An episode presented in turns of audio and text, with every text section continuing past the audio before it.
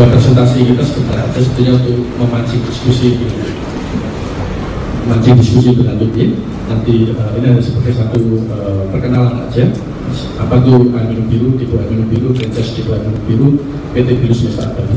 Ini kira kita pertama di Surabaya tahun 2002 itu kita mulai dari prototype project kita sekarang ini. Ini kita lihat profil sebentar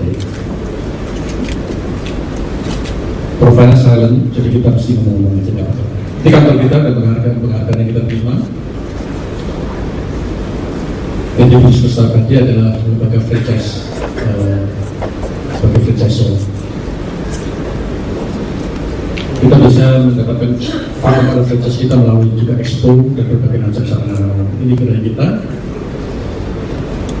Ada outlet kita satu di Amerika sebagai R&D project kita. Lalu kita mengatakan bahwa kita mau menjadi world class dan tahun ini kita mengatakan biru number one.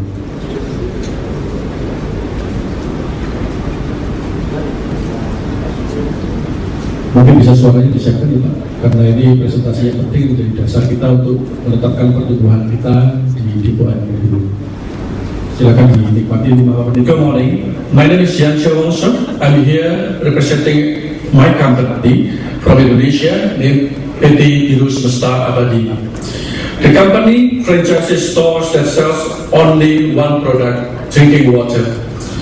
It opened up its first store in 2002 and at present, the company has been operating more than 333 stores in Indonesia.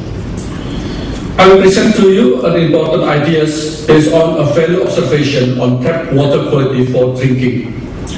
It is a huge subject matter indeed.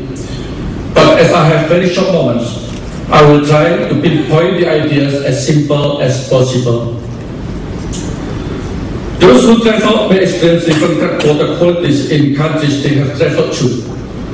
Most developed countries say that their tap water is potable, while most developing countries say that their tap water is not potable. So, which of these has a better water quality, developed or developing countries? The answer seems very obvious but let us discuss the subject of the value of quality in further detail. The term's value is defined as quality divided by cost. The higher the quality, the higher the value. While the higher the cost, the lower the value. So, a value being observed on tap water quality for drinking. Which tap water quality has a better value? Quality is directly related to usability. In terms of water quality, does the quality for drinking, bathing, toilets, dishwashing, and watering plants all have the same quality standard requirements? If drinking water is used for watering plants, isn't it too excessive in quality? We surely won't have any difficulty answering these questions because they are very obvious.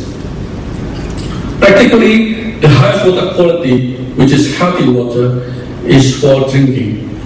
Safe water quality is for dishwashing, laundry, and bathing. And clean water quality is to flush the toilet, water the plants, and wash the car. If further simplified, two qualities of water can be distinguished, namely healthy water and clean water. What happens then if healthy water is used for purpose other than drinking? The obvious answer is the occurrence of a waste of resources, namely the use of investment funds, technology, human capital, raw materials, and so on. The waste resources is related to the water treatment process to achieve quality according to its use, and also to water distribution management to users. How much of a waste is there? To answer this question, Let's picture this. What if we use commercial bottled drinking water to flush our toilet, to water our garden, to our dishes, to our laundry, using drinking water, which is the highest quality water, to do all this would be such a huge, huge waste indeed. Imagine if we must pay the price of bottled drinking water for these usages. surely we will be very reluctant. Cited from the book titled The State of the World's Water, an atlas of our most vital resource, written by Maggie Black, published in 2016 by New Internationalist Oxford, UK, home water consumption for drinking counts only for 4%. That means in many countries with drinkable tap water, 96% of water usage have very low value because of the high cost relative to quality of water needed for these usages. A real massive waste of valuable resources. In conclusion, I encourage governments from both developed and developing countries to better allocate their limited resources by focusing on providing clean tap water for residential areas in the city. It would be most efficient if government provide clean water through centralized production facilities in a large economic of scale. As for drinking water, the government can provide decentralized solution by forming small production units at population points to improve the water quality from clean tap water to healthy water for consumption.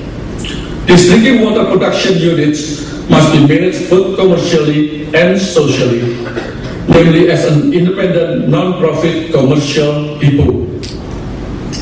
This non-profit commercial depot will open up jobs as depot operators and will have commercial power to finance themselves independently, which include the procurement of investment funds to develop depot facilities and to maintain facilities on an ongoing basis. Consumer of this non-profit drinking water depot will also create cost efficiency from appropriate use of drinking water. In other words, create the highest value for drinking water. On behalf of Biru franchise and its 2,400 direct workers, I thank you all for your attention. Our deep gratitude and appreciation to European Society for Quality Research for granting our company PT Biru Semesta Abadi the Best Quality Leadership Award 2018. May God bless you all.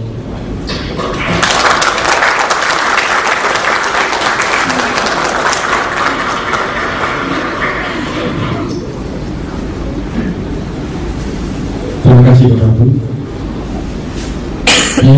uh, melakukan uh, satu development di Amerika untuk and development tentunya ada satu konklusi yang penting sekali kita dapatkan di awal kita membuka toko kita di tahun 2018 di Amerika. Ya.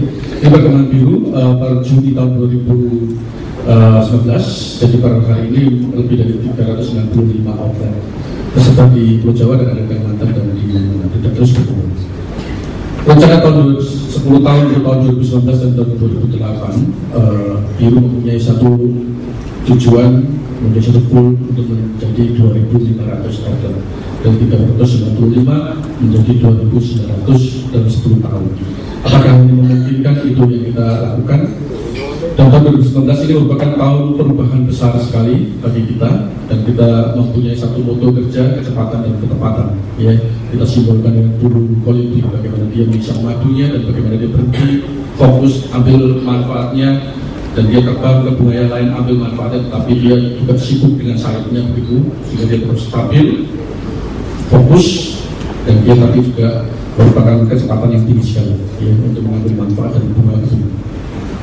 Ini PT Biru Semesta Abadi uh, menjadi logo menjadi provider daripada franchise uh, depo air minum di seluruh Indonesia. Terima kasih Bapak Ibu, uh, saya telah sampaikan pemaparan awal dari kita nanti mungkin ada banyak pertanyaan bisa nanti kita jawab ya. Terima kasih.